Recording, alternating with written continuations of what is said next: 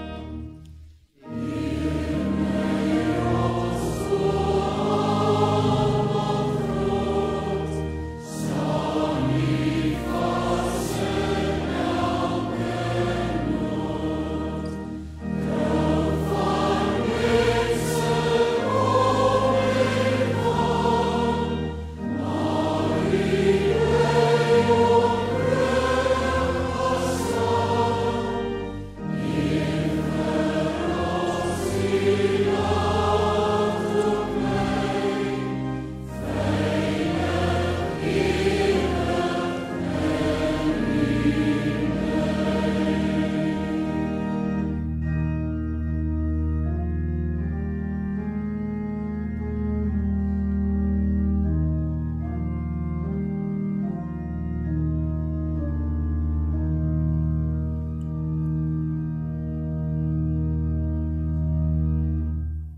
Ons ontvang vryspraak en ek lees vir ons uit Galasiërs 5 uit.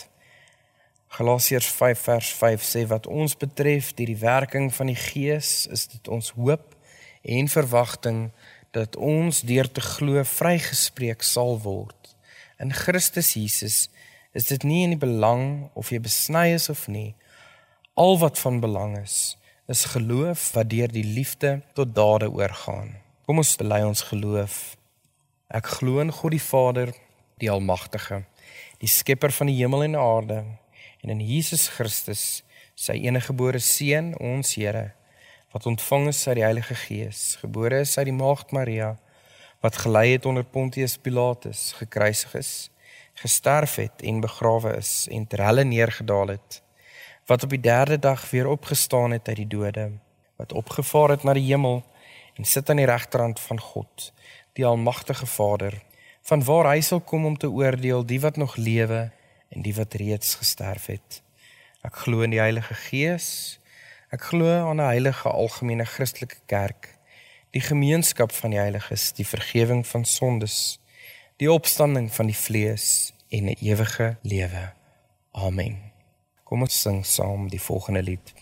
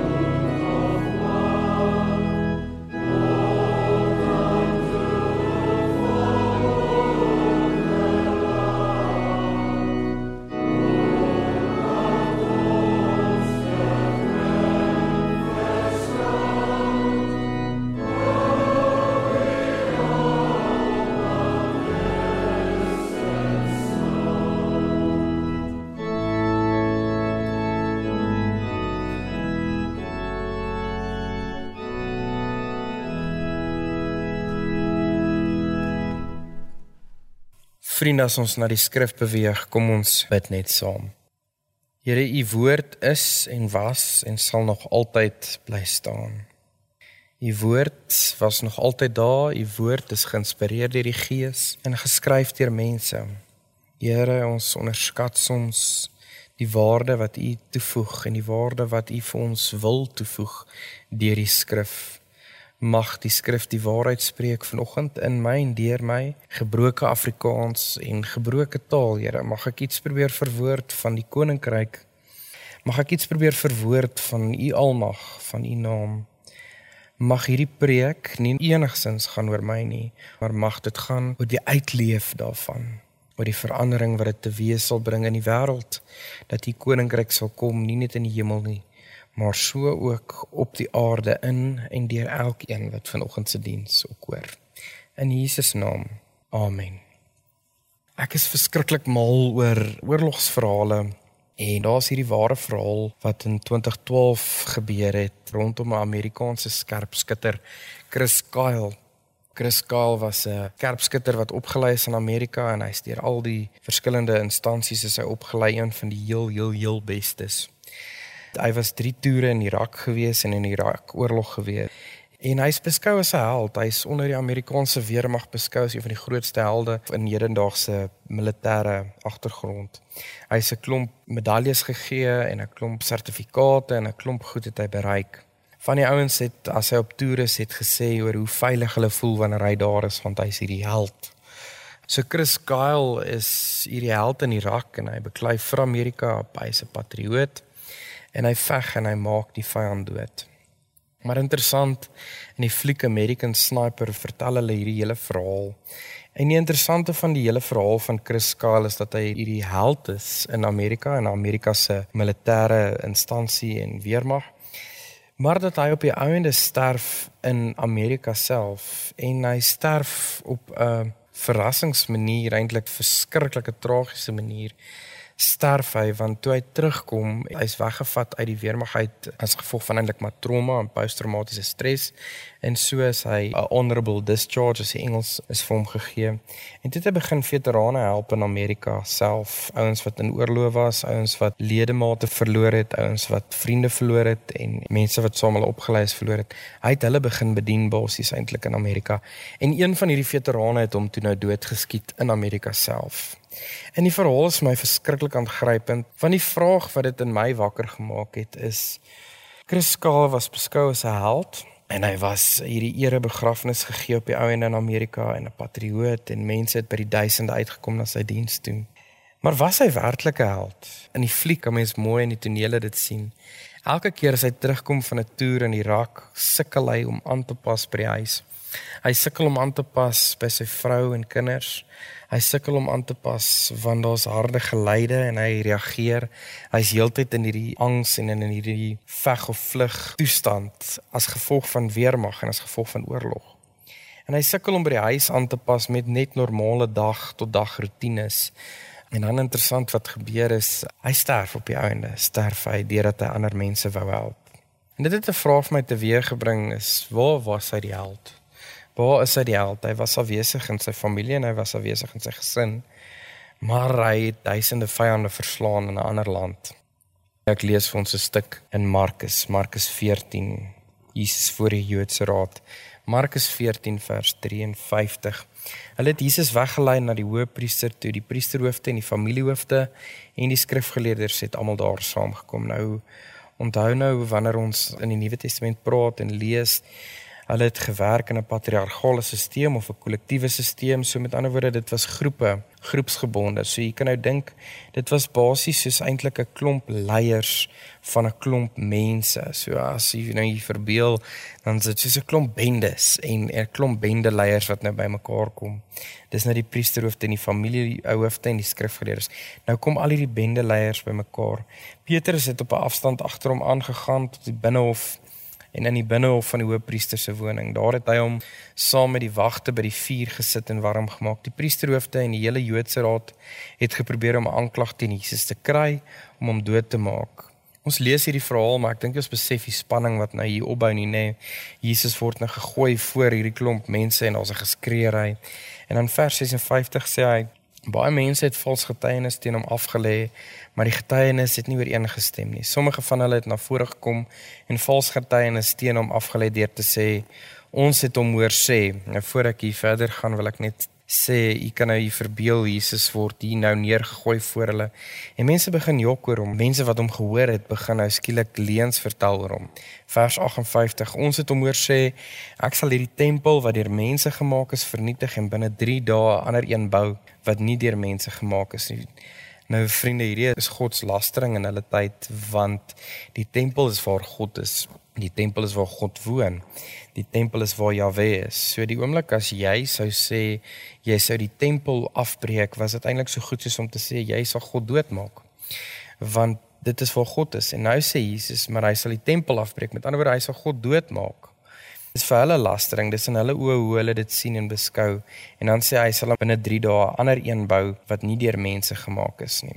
En dis God se lastering. So jy kan dink hoe kwaad die Fariseërs en die Joodse skrifgeleerdes en die Sadduseërs en al hierdie ouens is. En dan vers 59 sê maar ook hieroor het hulle getuienis nie ooreengestem nie. So jy kan hoor hoe dit bendes is, mobs is, groepe is wat mekaar besig is om op te sweep om iets teen Jesus te kry vers 60 toe die hoofpriester in die raad opgestaan en vir Jesus geondervra jy kan die spanning aanvoel nê. Nee, Jesus is gegooi voor hulle hulle is besig om te kere te gaan hulle is besig om 'n klomp leuns te vertel hulle is besig om mekaar op te sweep om hom dood te maak. En dan staan hierdie een hoofpriester op en hy vra vir Jesus vers 60 verweer jy jou glad nie?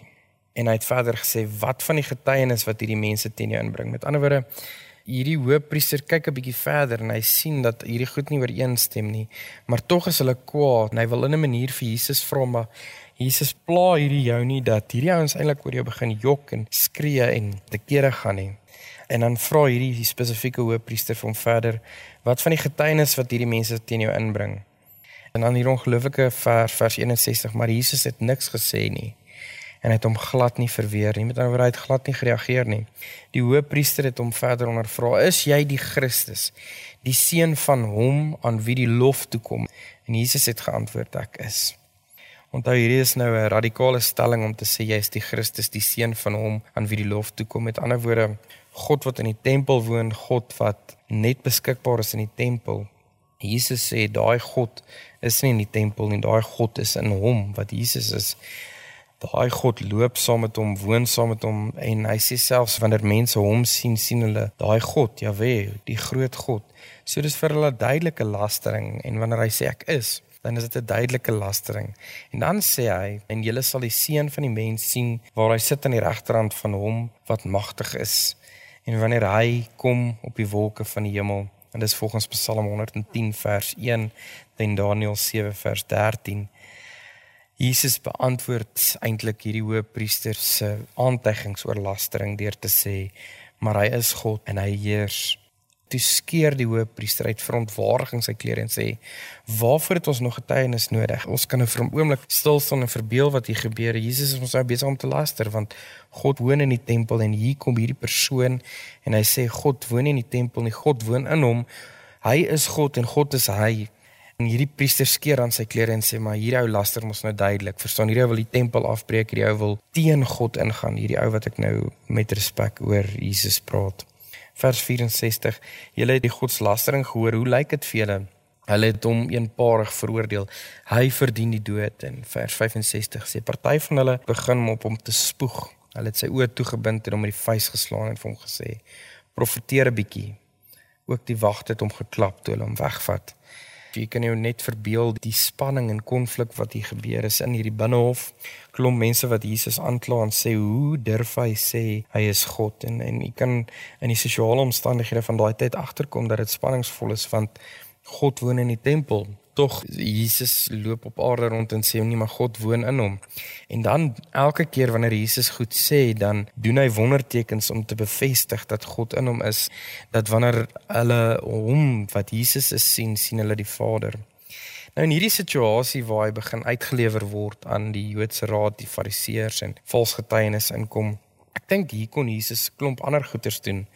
Jesus kon hier op ander maniere gereageer het. Ek dink ek sou definitief op ander maniere gereageer het. Ek sou te kere gaan en gesê hierdie mense jok man en hierdie mense is simpel. En dan selfs hierdie gedeelte vers 65 waar hulle sê profeteer 'n bietjie. Hulle daag Jesus uit om eintlik 'n held te word. 'n Publieke held. Doen nou iets, doen nou iets wonderliks. Jy's nou hier in die publiek. Bewys vir ons in die publiek watter held jy is bewys vir ons hier in die publiek en in die oë van mense hoe wonderlik jy eintlik is en watter wondergoed jy eintlik doen. En Jesus kies hier om 'n nederige pad te vat. Jesus kies hier om 'n held te wees, nie in die publiek nie, nie in ander mense in die fariseërs se stories nie. Hy kies om 'n held te wees in God se plan en in God se koninkryk. En hy besef, hy wat Jesus besef na sy gebed in Getsemane, besef hy dat God se plan is nie dat hy die held is in 'n storie van die fariseërs nie, maar dat hy die held is in die storie van mense, stikkende mense en gebroke en seer mense. En hy besef wat dit kos. Hy besef dat hulle dan en aanslaan hulle met die vuis en hulle bind sy oë toe en dan weet ons hoe die lyding verder gaan. Ons weet dat Petrus hom van daar verloon en ons weet hoe die verhaal verder uitspeel. Vriende, ek dink baie keer Jesus kon nie help in 'n klomp mense se stories wees en hy kon die held wees in die publiek. Hy kon die held wees in 'n klomp fariseërs en skrifgeleerdes se stories deur hulle die skrif aan te haal en te verduidelik hoe oulik hy is, maar Jesus het gekies om die held te wees in ander mense se stories. Hy was die held in die onderdrukte se storie. Hy was die held in die gebroke se storie. Hy was die held in die melaatse se storie. Hy was die held in die gebreklikes storie. Hy was die held in die wat demone het of bose geeste ingehaat het. Hy was die held in vrouens en weduwees en weewenaars. Hy was die held in mense se stories wat mense dit nooit sou verwag het nie. En ek wonder baie keer as mense dink aan die verhaal van Chris Kyle, is dit regtig nodig om die held te wees in die publiek in 'n ander land? Of verwag God van ons om die held te wees in ons eie storie? Ek dink in 2022 moet ons dalk regtig fokus om soos Jesus eerder die held te wees in ons eie storie en God se storie in ons lewens in ons konteks. Jesus moes die held wees in God se storie en toe die volk hom en die priesterhoofde hom uitdaag om te sê profeteer 'n bietjie het hy stil gebly omdat hy geweet het hoe dit is om die held in God se storie te wees. Sien vriende om die held in God se storie te wees beteken dat jy nie altyd gewild is in die publiek nie. Jy is nie altyd gewild daar buite of gewild in sekere kringe nie. Maar dit beteken dat jy die held by die huis is. Die held by jou vrou is, die held by jou kinders is, die held in jou familiekonteks, die held as jy enkel lopend is, die held in die struikelblokke en die gevegte waarmee jy besig is. Sien God se koninkryk is nie altyd hierdie wonderlike plek waar ons sosiale aansien op sosiale media wen en waar ons sosiale aansien wen by mense en in groot kringe nie. Maar God se koninkryk is baie keer die stil gevegte wat ons wen wanneer ons mense se stories hoor, wanneer ons mense se harte hoor, wanneer ons self ons harte uitsorteer, self ons eie harte leegmaak en uitstort voor God. In 2022 moet ons dalk beoog om nie die held te wees in 'n ander land nie. Hou op om te probeer om helde te wees in iemand anders se storie, om iemand anders se storieboek te skryf. Dalk moes Chris Kyle eerder 'n held gewees het by die huis, by sy vrou, by sy kinders, as wat hy al daai vyande gaan probeer doodmaak of doodgemaak het in Amerika. Jesus het gekom om die held in God se storie te wees. Hy het besef wat dit gaan kos, hy het besef dat hy nie sosiale aansien noodwendig gaan kry nie, maar inteendeel dat hy die dood gaan kry van mense, van skrifgeleerdes. My en jou roeping is nie altyd om ander mense se lewens helde te wees of sosiale media helde te wees nie. Ons roeping is nie altyd om miljoene likes te kry op sosiale media of uit te staan en belangrik te wees in die publiek nie. Ons roeping is om helde te wees in God se storie wat baie keer ondergrond is, wat baie keer nie in die publiek is nie. Dis om daai mense wat getraumatiseerd is te vat en te luister. Dis om hoop te bring in gesprekke waar gebrokenheid is is om hoop te saai agter deure om dinge te bereik om liefde om vergifnis te bewerkstellig wanneer die wêreld wil vuislaan. So om die wang te draai is om eerder stil te bly. Vriende mag God jou so seën met wysheid om te besef dat sy koninkryk nie altyd gaan oor sosiale aansien of helde en ander stories nie, maar dat dit gaan oor helde in jou eie storie. Dis dalk die moeilikste taak en die moeilikste roeping. Maar ek dink wanneer ons almal in ons land en in ons wêreld wanneer ons almal die held is in ons eie storie, dis wanneer ons hierdie wêreld regtig sal verander. Die wat nie kan hulle eie lewe beheer of probeer of uitsorteer nie, hulle is gewoonlik die wat ander mense se lewens probeer beheer en helde is. Jesus was 'n held in God se storie. En God se storie was baie groter as wat net hier afgespeel het in Markus 14. God se storie het op die einde gegaan oor die onderdruktes, die uitbuiting van mense, die weduwees, die weewenaars, die stikkendes. Dit was nie die publieke aansien nie, dit was die held wat op die einde gesterf het vir die regte redes in sy eie konteks in God se storie. Amen. Kom ons bid saam. Ons God en Hemelse Vader, in 2022 moet ons dalk prioritiseer Die heel belangrikste verhaal in die wêreld is my verhaal in my konteks. Dit waarmee ek worstel. Jesus het die keuse gehad om held ergens anders te wees. Maar Jesus het gekies om die held in u storie te wees. Hy het geweet wat dit gaan kos. Dit kos opoffering wanneer ons die held wil wees vir ons vrou en vir ons kinders en vir ons eie kontekste. Maar Jesus het ons dit kom leer seën ons met wysheid, insig, kennis en verstand hier om te weet. Die koninkryk, Here, begin by my, begin by my eie verhaal, my eie konteks. Jesus het die koninkryk laat begin by die Vader, by U. Stuur ons so in die wêreld en Here. Dankie Here dat ons by Jesus kon leer.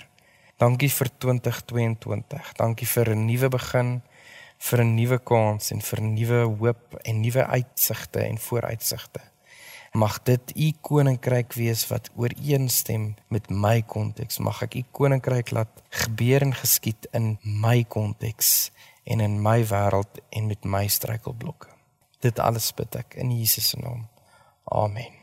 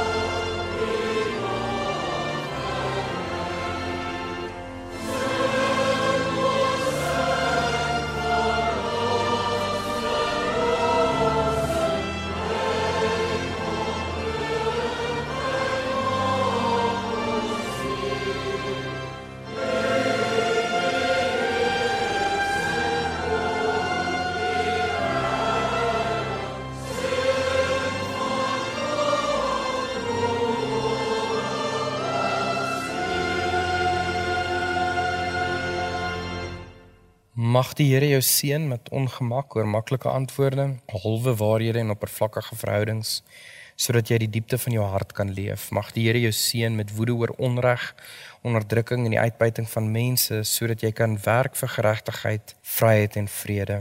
Mag die Here jou seën met trane om te stort vir mense wat pyn, verwerping, honger en oorlog ervaar sodat jy 'n hand kan uitreik en hulle pyn in blydskap kan verander. En mag God jou seën te glo dat jy verskil kan maak in hierdie wêreld en in jou eie wêreld sodat jy die dinge kan doen wat ander mense gedink het nie moontlik is nie. Vriende weet dat die Here voor jou is om die pad vir jou gelyk te maak. Die Here is langs jou om sy arms om jou toe te vou. Die Here is agter jou om die aanvalle van die bose af te slaan. Die Here is onder jou om jou te dra as jy sou val. Die Here is rondom jou om jou te beskerm. Die Here is bokant jou om jou te seën. Die Here is in jou om jou te lei met sy Heilige Gees. Die Drie-enige God is by jou van nou af tot aan alle ewigheid. Amen. thank you